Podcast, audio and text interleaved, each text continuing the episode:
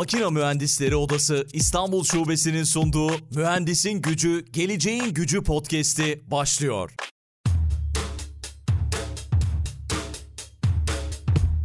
Mühendisin Gücü, Geleceğin Gücü podcast'inin yeni bölümünden herkese merhaba. Bu bölümde Oregon State Üniversitesi'ne gideceğiz ve doçent doktor Burak Sencer şu anda karşımda. Hocam hoş geldin, selamlar. Merhaba Aykut Bey, teşekkür ederim, sağ olun. Nasılsın hocam, iyisin? İyiyim, teşekkür ederim, sağ olun. Sizler nasılsınız? Biz de çok iyiyiz. İkinci sezonda yine dünya üzerinden mühendislerimizi, akademisyenlerimizi konuk etmeye devam ediyoruz. Ne Ve güzel. hemen onu anmadan da geçmeyelim. Profesör Doktor Yusuf Altıntaş Evet. sizin hocanızdı. Daha doğrusu Doğrudur. öğrencisisiniz. Hala da hocamız, hala da hocamız. Hala da hocanız doğru. Onunla yaptığımız konuşmada şey dedi hatta yani öğrencilerimi böyle gördüğüm zaman çok yaşlandığımı hissediyorum dedi. E, çok da gurur duyuyor sizlerle gerçekten. İlk bölümde ağırlamıştık onu. Efsane bölümlerden biri olmuştu. Bu bölüm de eminim öyle olacak. Çok çok sağ olun katıldığınız için. Teşekkür ederim, sağ olun. Ben de evet onu dinledim. Bazen arabada dinliyorum, canım sıkıldığı zaman. Boş kalmasın diye.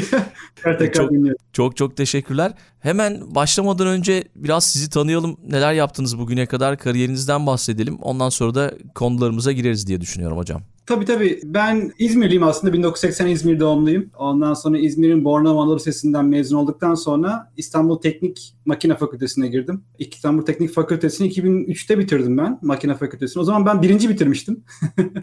Harika. Ondan sonra çalışkan bir öğrenciydim yani. Gözüm biraz dışarılardaydı. Yurt dışında tekrar akademik bir şekilde çalışmak istiyordum. O zaman Yusuf Hoca da sağ olsun bizleri İTÜ'den Kanada'ya, University of British Columbia Üniversitesi'ne alırdı. Birçok arkadaşım gitmişti zaten. Ben de o vesileyle master ve doktora için Yusuf Hoca'nın yanına British Columbia Üniversitesi'ne gittim Kanada'ya, Vancouver şehrinde. 2003'te master'a başladım, 2005'te master bitti. Sonra da doktoraya kaldım, devam ettim. Doktora da 2009 yılının sonunda bitti. Ondan sonra ben aslında kafamda biraz da akademik olarak işte hoca olmayı düşünüyordum. O zamanlar revaçta olan şey işte doktordan mezun olan akademisyenlerin bir postdoc denen bir süreçten geçmesi. Yani aslında araştırmacı olarak tek başına çalışması gibi böyle bir program vardı. Ben Japon kültürüne aslında ilgi duyuyordum. O zaman Yusuf Hoca'ya hocam ben Japonya'ya gitmek istiyorum. Orada tanıdığınız bir akademisyen arkadaşınız varsa beni yanına gönderin. Hani orada biraz daha pişeyim anlamında sordum. O da hemen arkadaşlarına haber saldı ve 2010 yılında Nagoya Üniversitesi'ne araştırmacı olarak gittim. Orada Eiji Shamoto isimli bir meşhur bir hoca vardır. Hem Ultra Precision Machining yani yüksek hassasiyetle imalat teknolojisinde Asya'nın bir numarasıdır. Çok büyük laboratuvarı var. Çok güzel çalışır. 2010 yılında onunla çalışmaya gittim araştırmacı olarak ve sonra Japon hükümetinden araştırma burs, araştırmacı bursları aldım. 2013 yılına kadar bu burslarla idare ettikten sonra 2014'te Shamoto, Eiji Shamoto hocanın yanında yardımcı doçent şeklinde biraz çalışmaya başladım bir sene. Ondan sonra Japon dilini öğrendim. Ee, eşim Japon. Harika. Evet, Japonca konuşuruz zaten evde daha çok. Türkçe biraz daha yan dil oldu. Ondan sonracığıma ama Japonya'da birazcık tabii yabancı olmak bana biraz zor geldi. Aslında her ne kadar konuşmak işte söylenenleri anlamak ben ders falan da veriyordum Japonya'da. O, o tür şeyleri becersem de e, yazma olayı çok zor. E, kullandıkları alfabe çok karışık bir şey yani. Onun için bir ömür harcamak lazım kullanmak için. Onu Ama. Japonlar bizi ya öyle bir algı var ya yani bildiğimiz doğrulardan çok seviyorlar değil mi? Yani öyle ya Doğru. Bar- Barış Manço'dan hep biliriz ya böyle. Doğru doğru evet çok seviyorlar ama onlar herkes seviyorlar aslında. Doğru evet herkes seviyorlar. Onları herkes seviyorlar. Bizi de çok seviyorlar. Yani aslında ben ben hiç zorluk çekmedim kültürel olarak Japonya'da. Çok welcoming yani çok hospitality'si yüksek. Yani herkese açık aslında şey olarak ilk girişte açıklar ve güzel zaman geçiyor. Çok Herhalde benzer yanlarımız da var biraz böyle. Çok. Çok değil mi? Mesela dilimizin grameri çok benzer. Ee, Ural Altay dilinden geliyor. Hem bizim dilimiz hem de onların dilleri. Onun için gramer olarak Japon işte fiil çekimleridir, cümle yapısıdır aslında bize çok benzer. O açıdan Türklerin Japonca konuşması aslında çok da zor değil. Ama yazmak falan- zor. Oh, oh my god evet gerçekten yazmak çok zor. Ben 4 senede ancak adresimi zar zor yazıyordum. Onu da yani el yazım çok çirkin olduğu için sevmiyorlardı. İstersen ben senin adresini yazarım, yazayım diye benim kağıdı elinden alıyorlardı falan. Anladım. Evet. Evet orada yani e, güzel bir vakit geçirdim. Çok da Japon kültürünü öğrendim. Çalışma stillerine adapte oldum. Fakat yabancı olmak ve yükselmek Japonya'da zor. Ya bir yabancı olarak tabii ki her zaman için arka planda kalıyorsunuz biraz. Ondan sonra 2015 2014 yılı sonu gibi Amerika'ya evet buradaki Oregon State Üniversitesi'ne geçtim asistan profesör olarak. Laboratuvarımı kurdum 2014 sonunda. İşte 2015'ten bir asistan, 2021'e kadar asistan olarak ve 2021 yılında da şimdi associate yani e, yardımcı e, doçent pardon doçent doktor olarak. Yardımcı doçentlikten doçent doktor olarak şu an burada laboratuvarımı başındayım. Yani öyle bir öyle bir süreçten geçtik. Tebrikler ee, hocam gerçekten. Kaymadım yani hep hep akademinin içinde kaldım. Evet tam da onunla bağlantılı bir soru soracağım şimdi. Tabii Türkiye'deki akademiyi bilmiyorsunuz. Öyle tahmin ediyorum. Çok iyi Ama bilmiyorum. Japonya, Kanada ve Amerika'da akademide çalışmalar yapan bir akademisyen olarak bu üç ülkeyi karşılaştırmanızı istesem neler söylersiniz? açıkçası merak ediyorum. Çünkü Japonya'dan ilk defa bir konuğumuz oluyor. Daha doğrusu ha. Japonya'yı bilen ilk defa bir konuğumuz oluyor. Bilen ama adresini yazamayan. evet doğru.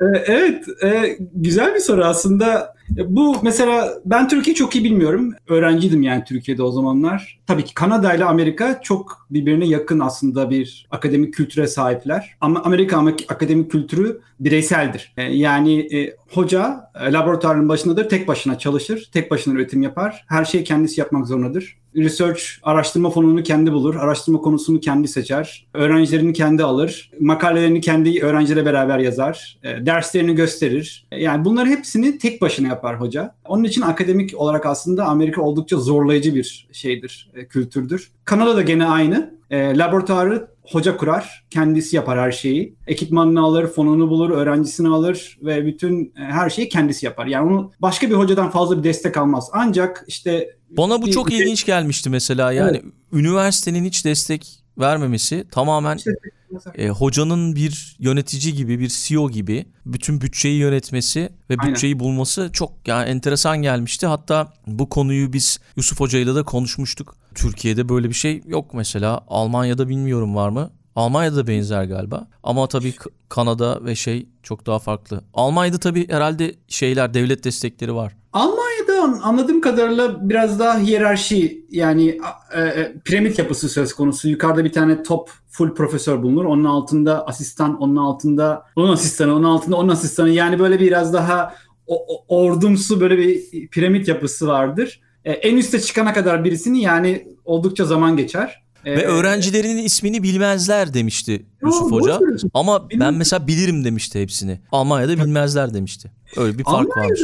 Evet Almanya'da ben de onu Yusuf Hoca'dan çok öğrendim. Kendim de gittim Almanya'da. Stuttgart Üniversitesi'nde çalıştım biraz. Aachen'da çalıştım biraz öğrenciliğim zamanında. Evet orada profesör ünvanı aldığınız zaman aslında bir CEO'sunuz. Yani o şeyin enstitünün başındasınız. Enstitünün altındaki hocalarla hocalarla ilişkiniz oluyor ama öğrencilerle hiçbir ilişkiniz yok. Enteresan. Ee, konuşma isimlerini bilmeniz normal. Tamamen yani Almanya'daki yapı direkt bir şey gibi. Yönetici oluyorsunuz. Hoca demek yönetici demek. Amerika'da ve Kanada'ysa hoca demek araştırmacı demek yani. Hem araştırma yapıyorsunuz hem öğrencilerle beraber araştırma yapıyorsunuz. Her şeyi siz yapıyorsunuz yani aslında. Hem yönetici, Doğru. hem araştırmacı, hem lecturer yani öğretmen birden fazla şapkayı değiştirip değiştirip takıyorsunuz yani. Yani hatta muhasebeci bile diyebiliriz. Çünkü tuvalet Doğru. kağıdı alınırken bile o bütçe mesela hocaya soruluyormuş. Bilmiyorum sizde de öyle mi şu anda? Doğru. Tam sizle konuşmadan önce ben şimdi birkaç laboratuvar birkaç bir şey almıştım. Onların parasını ödemeye çalışıyordum. Enteresan yani. Evet. Doğru söylüyorsunuz. Onu da onu da yapıyoruz. Yani 7-24 her şeyi biz yapıyoruz. Harika gerçekten. Peki Japonya tarafı nasıl? Evet Japonya tarafı çok farklı. Orada e, bireysel değil aslında birleşik bir yapı söz konusu. Yani bir laboratuvarın içinde 3 hoca oluyor. Bir tane full profesör olur. Bir tane yardımcı doçent olur. Bir tane doçent olur. Yani bir e, üç kişi olurlar genellikle bir laboratuvarın içinde. Bu üç kişi laboratuvarı yönetirler. Beraber olarak işte hoca en en fazla en üstte profesör olur. Onun altındakiler e, biraz daha ek olur. Yani orada asistan yardımcı doçent olarak çalışmak daha basit olur. Çünkü doçent ve full profesörden çok yardım alırsınız. Onlar size fonlarını verirler. Ondan sonra nasıl fon alacağınızı öğretirler. Öğrencileri paylaşırlar. İşte beraber e, aynı öğrenci öğrenciyi iki kişi, üç kişi bazen e, şey yaparsınız, e, bakarsınız öğrenci yetiştirirsiniz. Yani böyle bir şey gibi çıraklıktan yükselme tarzında Harika. Bir hava olur. Tabii ki bu yukarıdaki profesörün de biraz kişisel şeyine, becerisine bağlı. Yani o profesör öyle bir ortamı yaratırsa çıraklıktan yükselme şeklinde oluyor. Yani daha bir bireysellikten ziyade işte beraber yapalım. Ada kültürü herhalde biraz da Aykut Bey. Ondan dolayı beraber yapmayı seviyorlar böyle şeyleri. Bence Japonya'da hoca olmak o açıdan daha rahat. Çok fazla yardım alıyorsunuz. Pozitif bir yönü var o şekilde evet. ama Orada da şey zordur yani hoca yükselmek biraz zordur. Bazı iç politika olayları olur. Yani bazen emeğinizin karşılığını çok iyi almama şansınız vardır ama yine Anladım. de şey, çok çok Doğru. hepsi değerli deneyimler. Japonya, Kanada, Amerika hatta Almanya onu bilmiyordum ben. Onu atlamışım. Hı.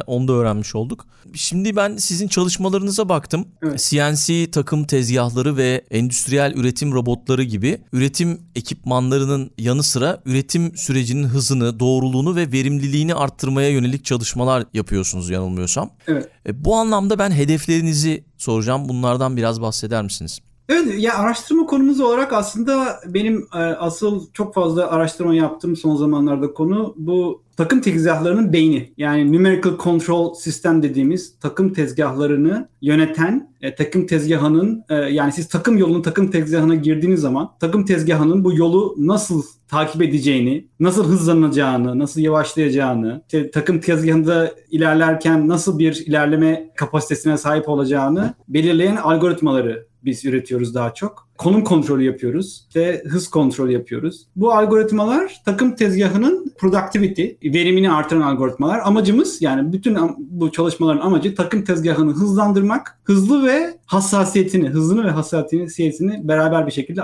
arttırmak. Yaptığımız algoritmalar bu. Yani takım tezgahının beynini üretiyoruz bir şekilde. Beynini düzenleyen algoritmaları şey yapıyoruz, üretiyoruz. Anladım. Peki gelişmiş teknolojiler günümüzde takım tezgah üretimini hızla değiştiriyor hmm. ve takım tezgah üreticileri genellikle hep ekipman ve hem de beceriler açısından yüksek yatırım maliyet nedeniyle kendi özel uygulamalarına uygun teknolojileri benimsemek zorunda kalıyorlar. Daha doğrusu benimsemekte zorlanıyorlar. Bu konuda nasıl bir yol izlenmeli diye bir soru yöneltsem size. Evet ilginç bir soru. Şimdi takım tezgahı endüstrisinde Aykut Bey aslında genellikle ikiye ayırabiliriz bunları. Bir takım tezgahını yaparken gerekli olan şey öncelikle bir takım tezgahının kendisi. Yani mekanik olan dizaynı. Mekanik olan dizayn işte e, tabla, ondan sonra spindle, eksenler bunların dizaynı. Bu bir dizayn olarak bunu takım tezgahı üreticileri önce bunu dizayn yapar, dizayn ederler. Dizayn yani mekanik dizayn makine mühendisleri tarafından yapılır tabii ki haliyle. Takım tezgahı üreticisi bunu dizayn ettikten sonra takım tezgahını kullanan, takım tezgahını yürüten beyni ise başka bir üreticiden alır. Yani siz işte insanın vücudunu yapıyorsunuz ama kafayı, beyni başka bir şirketten almanız lazım. Doğru. Ee, mesela işte Siemens, Fanuc, Heidenhain, Mitsubishi gibi dört şirket bu endüstriyi domine etmişlerdir. Takım tezgahlı üreticileri bunları takım tezgahını düzenledikten sonra bu şirketlerle konuşup bunlardan beyni takım kendi takım tezgahlarına takarlar.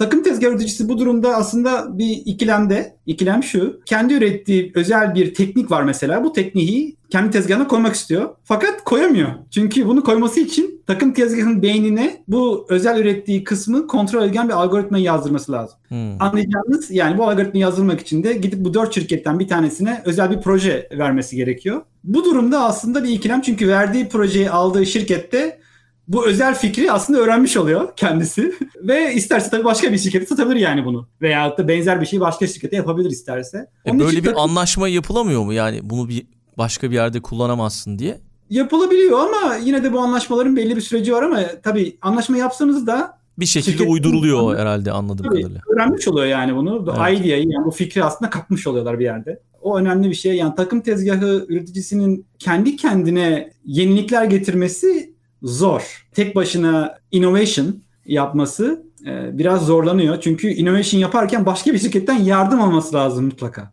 Bu da mesela Türkiye'de son dönemde çok tartışılan bir konu. Mesela bir şey üretiyoruz. Örneğin araba mesela. İşte arabanın bir takım parçalarını işte bazı malzemelerini dışarıdan aldığımızı ve bu yüzden de bunun bir yerli araba olmadığı iddia ediliyor ama Hmm. Demek ki görüyorum ki birçok sektörde de böyle şeyler yaşanıyor anladığım kadarıyla. Evet. Evet yani mümkün değil yaşanıyor doğru söylüyorsunuz. Burada aslında takım tezgahı üreticisinin yapması gereken şey bu takım tezgahının da beynini kendini üretmesi, kendisinin üretmesi lazım. Yani mesela Apple şirketini gibi bir durum söz konusu. Apple şirketi nasıl hem hardware'i hem software'i kendisi yapıyor. Takım tezgahı üreticisinin de bunun kendisi kendi kendi yapması lazım. O da çok o da, zor herhalde. O da kolay değil. Çünkü beyni üretmek yıllarca getirilen bir yani şeyin emeğin bir, karşılığı. Emeğin Deneyim. karşılığı bir tecrübe var. Yani onu bir anda tek başına üretmek zor oluyor.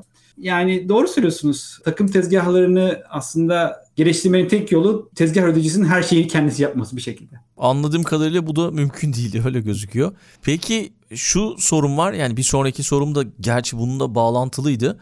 Türkiye'de yerli yerli takım tezgahı üretebilmek için e, öncelikle takım tezgahı tasarımı ve üretimi konusunda yetişmiş iş gücünün olması gerekiyor ya da bunu oluşturmamız gerekiyor. Evet. Belki bu konuda neler yapılabilir e, diye bir soru soracaktım ama hayal kırıklığına uğradım şu an. E, çünkü çok zormuş zaten. yani bu, bu e, evet. açıkçası. Yani ama yine de sormuş bulundum neler yapılabilir. Evet yani bence üretmemiz mutlaka gerekli. Çünkü diyelim ki takım tezgahını bize vermemeleri durumunda nasıl üretim yapacağız? Yani diyelim ki işte bir A, A ülkesi, B ülkesi takım tezgahını üretiyor ama bize vermiyor. ülkeye ülkeye vermiyor. Ambargo koyuyor. Mesela şu an işte takım tezgahları satılırken belli hassasiyetlik takım tezgahları belli ülkelere verilmiyor. Satılmıyor. Sebebi ee, nedir? Verilmeme sebebi? E, çok aslında bir sebebi şey e, basit bir sebebi. Mesela İran'a hmm. Japonya'dan takım tezgahı ithal etmek mümkün değil. Amerika'dan da ithal etmek mümkün değil. Çünkü hassasiyet yüksek bir takım tezgahıyla savunma sanayiye veya başka sanayilere, nükleer sanayiye parça yapabilirler değil mi? Doğru. Bunu önlemek doğru. amaçlı olarak takım tezgahlarını hiçbir şekilde hassasiyeti mesela mikron seviyesinin altındaki hassasiyetlerde belli bir limitasyon limit oluyor. O nedenle aslında Türkiye'nin de kendi takım tezgahını kendi üretmesinde büyük bir yarar görüyorum ben. İşte üretirken belki beynini en başta biz üretemeyeceğiz ama en azından mekanik kısmını kendi üretip beynini Siemens'ten veya başka bir şirketten alıp mesela. Ondan sonra en azından işe bu şekilde girmekte yarar var. Evet beynini üretmek e, farklı bir oyun yani farklı bir evet. challenge. O kısmı da elektrik elektronik mühendislerinin aslında el atması gerekecek. İşte beyni biz yurt dışından aldığımız zaman ona Türkiye'de şey diyorlar hemen. O yerli olmuyor yani. Ee, öyle bir şey var. Ee, ama yani yapacak da bir şey yok. O büyük bir deneyim, tecrübe gerektiren bir iş dediğiniz gibi. Evet. Ee, ama eminim bir gün olur belki. Niye olmasın? Biz yine umudumuzu kaybetmeyelim bence. Bence kesinlikle olur. Şimdi yani bu Çin, Tayvan, şu an başka ülkeler, Asya ülkeleri de aslında takım tezgahlarını şu an çok fazla yapıyorlar ve çok fazla marketi domine etmişler, etmiş bulunuyorlar. Onlar da yani aslında beynini kendi üretmiyor birçoğunu dışarıdan alıyorlar ama sonuçta yavaş yavaş bir şekilde onlar da üretecek aslında bu bu iş şeyle başlıyor. Bir, bir şekilde el atmaları lazım yani bir yerden başlanması gerekiyor. Evet doğru. Yani Çin modeli de önümüzde var işte. Çin de öyle baka baka yapa yapa kendini geliştirdi. Peki Almanya Kopyalayarak. nasıl? E, kopyalayarak yani baka baka dedim ben biraz daha yumuşattım. Almanya'da herhalde çok çok iyi bu konuda değil mi? Almanya'da evet bu konuda çok iyi. Hem takım tezgah üreticileri güçlü, eskiden beri e, çalışan şirketler var. Hem de takım tezgahını beyni üreten iki büyük şirket var. Yani bir Heidenheim bir de Siemens. Bunlar büyük şirketler ve takım tezgahı konusunda Almanya'da oldukça oldukça ünlü. İsviçre'de öyle aynen hassas takım tezgahlarında İsviçre'de çok güçlü. Anladım. Peki biraz daha akademi tarafına dönsek başka yaptığınız çalışmalar, son trendler nasıl, en son gelişmeler nasıl onlardan bahsetseniz biraz. Evet en son en son gelişmeler şu an tabii bizim çalıştığımız konu genellikle bu talaşlı imalat takım tezgahları ama aslında son zamanlarda additive manufacturing yani eklemeli imalat konusu da oldukça revaçta. Onlar da aslında bir takım tezgah tarafından yapılıyor. Yani aslında e, bizim çalıştığımız konuların e, bir kolu nasıl talaşlı imalat için e, algoritma üretiyorsak, talaşlı imalat yapan takım tezgahları için algoritma üretiyorsak bunların aslında bir kısmının da additive manufacturing, eklemeli imalat için olan takım tezgahlarına dönüştürmesi, onları öngören algoritmaların üretilmesi gerekiyor. O konulara bakıyoruz birazcık. Özellikle takım tezgahlarına hız çok hızlı hareket eden takım tezgahlarında titreşim konularına bakıyoruz. Titreşimleri nasıl önleyebiliriz? Takım tezgahının yolunu takip ederken çıkan hataları nasıl minimize edebiliriz? Bunlara bakıyoruz. Robotlar için de gene aynen. Robotlar için de son zamanlarda robotlar Eskiden robotlar hep yani bir fabrika durumunda işte paletleri bir yerden bir yere alan, götüren, böyle basit ağır yükleri taşıyan asistan teknoloji olarak düşünmüş, düşünülmüştü ama şu an robotlar da aslında takım tezgahları gibi talaşlı imalat yapabilen veya da eklemeli imalat yapabilen robotlar haline geldiler. E, bunların da aslında hassasiyetlerinin artırılması gerekiyor. Onlara göre algoritmaları düşünüyoruz. Revaçta olan konu tabii AI, machine learning yani işte makinenin Tam da onu kendi... soracaktım. Yapay zeka ne durumda diye. Yapay zeka. E, bu konulara da bakıyoruz hafif. Bu konulara da çalışmaya uğraşıyoruz. Çok revaçta olan konular tabii haliyle. Onlara da bakıyoruz son zamanlarda biraz. Yani evet bu takım tezgahlarına ilişkili olan konuların çoğunu çoğuna el atmaya çalışıyoruz olabildiğince. Biz biliyorsunuz Mühendisin Gücü, Geleceğin Gücü podcast'i Makine Mühendisleri Odası İstanbul Şubesi tarafından gerçekleştiriliyor. Evet. Makine Podcast kanalımız var ve açıkçası yurt dışında odaların öneminden bahsedebilir misiniz diye soracağım. Çünkü bizim için çok çok önemli. Oradaki odalara bakış açısı nasıl ya da derneklere ya da herhangi bir yere üye misiniz? Mesela yine Kanada'dan örnek vereyim. Siz de çok çok iyi biliyorsunuzdur. Yusuf Hoca şöyle bir örnek vermişti. Makine mühendisi olabilmek için odanın yaptığı sınavı geçmeniz gerekiyormuş. Bu çok enteresan gelmişti bana. Yani siz mühendis oluyorsunuz, diplomanızı alıyorsunuz ama bir de oda sizi sınav yapıyor. O sınavı geçtikten sonra bir şeyin altına imza atabiliyorsunuz. Yanılmıyorsam öyleydi. Amerika tarafında nasıl veya Japonya tarafında nasıldı hatırlıyor musunuz böyle? Evet, Kanada'daki örnek biraz aslında yani benim dünyada dünyada duymadığım bir örnek. As Hoca Yusuf Hoca söylemişti onu. O zamanlar hatırlıyorum ben. Ee, yani Kanada aslında her herkes e, mühendis olmak için yani kendi kendine bir dizayn yapıp bir şey yapmak için cidden odaya odanın olduğu sınavı verdiği sınavı geçmeniz lazım. Amerika'da öyle değil. Burada buradaki oda biraz daha e, Biraz daha buradaki oda öğretici, öğretim amaçlı. Yani buradaki Amerikan oda, American Society of Mechanical Engineering, buradaki Amerikan Makine Mühendisi Odası daha fazla işte öğretici kurslar verir. Yeni trendleri size göstermeye çalışır. Standartlarla ilgili çok iş yapar. Yani standartları işte e, düzenler, yeni standartlar ekler. Bu konulara bakıyorlar daha fazla. Ama mühendis eğitimine önem verirler. Evet o şekilde söyleyeyim. Fakat üye olmasanız da mühendissiniz. Yani mühendisliğinizi evet illaki odaya girmek zorunda değilsiniz. Japonya'da da sanırım bu şekildeydi. Orası da gene e, seminerler düzenlemekle falan çok uğraşırlardı. Yani mühendislere eğitim vermeyi çok önemli olarak görürlerdi onlar da. Çok önem verirlerdi o konuya. Fakat sanırım Amerika'ya yakın biraz daha o, o açıdan. Kanada örneği Evet biraz ekstrem. Çok çok biraz. ayrı. Evet. Çok, çok farklı bir örnek yani. Türkiye de öyle yani Türkiye, Kanada, Amerika benzeşiyor demek ki. Peki şunu sorsam geçtiğimiz yıllar içerisinde yine bir arkadaşımla sohbet ederken, bir mühendis arkadaşımla sohbet ederken Almanya'da bir okula girmek, mühendis olmak için bir üniversiteye girmek çok kolay demişti bana. Yani evet. birinci sezon amfiye girdiğinizde işte 400 kişi var amfide ama dördüncü senenin sonunda 50 kişi falan kalır demişti. Çünkü bitirmek çok zor. Hı hı. Amerika'da, Kanada'da, Japonya'da nasıl? Şimdi Japonya Türkiye'ye benzer. Yani onlarda da bir giriş sınavı var ve oldukça kazık bir sınav. Japon Japonlar da yani ben mesela tabii 80'liyim ben. Bizim zamanımızda ÖYS, ÖSS vardı. Biz de iki sınavı birden geçmiştik. Evet. Yani çok çalıştığımızı İki stres. İki stres evet çok çalıştığımızı hatırlıyorum. Japonlar da aynı şekilde iki tane sınavı vardır. Birinci genel sınav vardır. İkincisi de üniversite tarafından bir üniversitenin verdiği sınav vardır. Yani siz mesela önceki ÖSS sınavından belli bir puan alacaksınız. Ondan sonra da işte Tokyo Üniversitesi'ne girmek istiyorsunuz. Tokyo Üniversitesi'nin verdiği özel sınavı geçmeniz lazım ve ondan da çok yüksek puan almanız lazım. O da öyle bir sistem. Sanırım çok çok öncelerde böyle bir sistem vardı şeyde Türkiye'de de. Onun için girmek zordur Japonya'da. Çıkmak biraz daha basit. Galiba Türkiye'ye benziyor. Girerken zor ama çıkarken rahat evet, çıkıyor. doğru.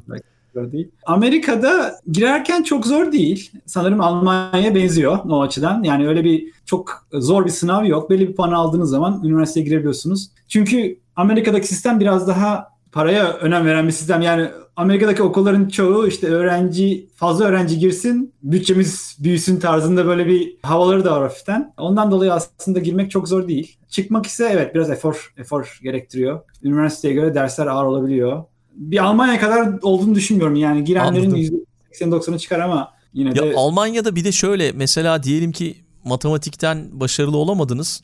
Bir daha matematikle alakalı bir bölüme giremiyormuşsunuz yani. Hmm. Öyle bir yanılmıyorsam öyle bir şey söylemişti arkadaşım. O da enteresan gelmişti. Veya mesela müzikle ilgili başarılı olamadınız. Müzikle ilgili bir bölüme giremiyorsunuz gibi hmm. algıladım ben onu. O da enteresan gelmişti. Peki yavaş yavaş sona geldik. Çok da güzel gidiyor sohbet. Hmm. Belki bizi çok fazla dinleyen genç dinleyicilerimiz var. Onlar da böyle yurt dışından konuk aldığımız zaman şeyi merak ediyorlar. Hani yurt hmm. dışında nasıl akademisyen olunur, yurt dışında nasıl okunur, nasıl yüksek lisans yapılır? Ondan da bahsetmedik. Evet. Belki biraz ondan bahsetsek iyi olur. Aa, evet güzel fikir. Akademisyen olmak tabii ülkesine göre farklı. Her ülkenin kendi kuralları var evet. A- ama yurt dışına çıkıp işte bir master doktor yapmak farklı opsiyonlar var herkesin öğrencinin evinde. Yani bir Amerika'ya, North Amerika, Kuzey Amerika, işte Kanada, Amerika olsun. Bu, bu tip ülkelere geleceğiniz zaman öncelikle master doktora bunlar paralı. Yani master doktora yapacaksanız ya bunun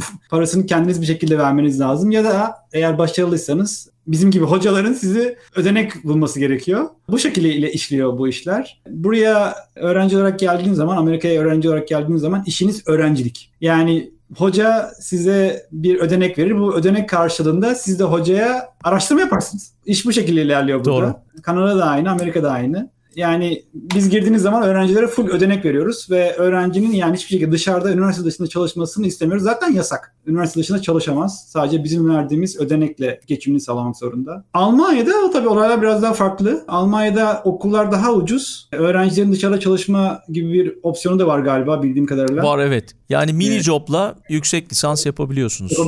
Ama burada yani Kuzey Amerika'da öğrenciden istenen şey araştırma yapması. Bu öğrencinin işi budur. Yani 24 saat 7-24 işi budur araştırma yapmak. Onun için buraya girdiğiniz zaman Amerika'daki veya Kanada'daki okullarda 7-24 e, araştırmayla yatıp araştırmayla kalkar öğrenciler. O öngörülür. Evet farklı seçenekler var. Yani her öğrencinin kendi herhalde isteği arzusu olabilir ama özellikle Amerika'ya gelen öğrencilerden akademisyen olarak çıkan öğrenci sayısı yüksektir. Benim görüşüm o şekilde. Tabii ki endüstride giren öğrenci fazla ama akademisyen de fazla. Sanırım Almanya'da veya Avrupa'ya giden öğrencilerin birçoğu aslında bir şekilde endüstriye giriyor gibi bir gözle bakıyorum ben. Evet ihtiyaç da var zaten buralarda. Doğru. O yüzden Doğru. burada kalıyorlar yani bir şekilde daha sonra.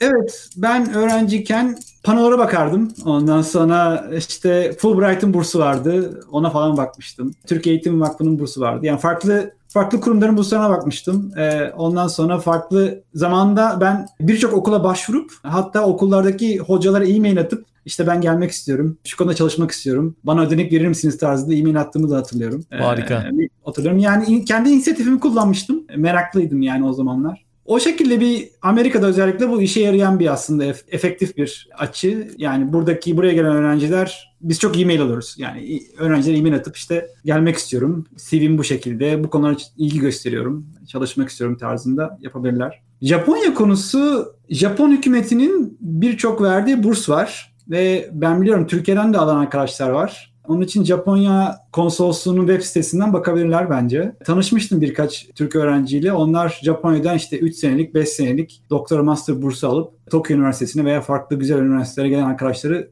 görmüştüm. Öncelikle bence ona bakabilirler. Fakat maalesef Japonya'da hocaların öğrencilere ödenek vermesi mümkün değil. Japon sisteminde bir hocanın ödenekle öğrenciye part-time iş yaptırması söz konusu değil. O çok kısıtlı. Onun için yabancı öğrenci sayısı da çok az.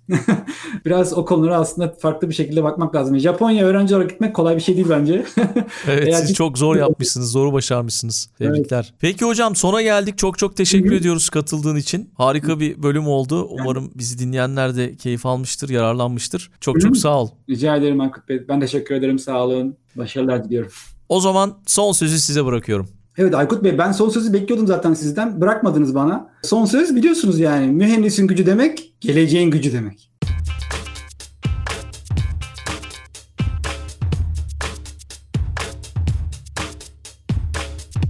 Makina Mühendisleri Odası İstanbul Şubesi'nin sunduğu Mühendisin Gücü, Geleceğin Gücü podcast'i sona erdi.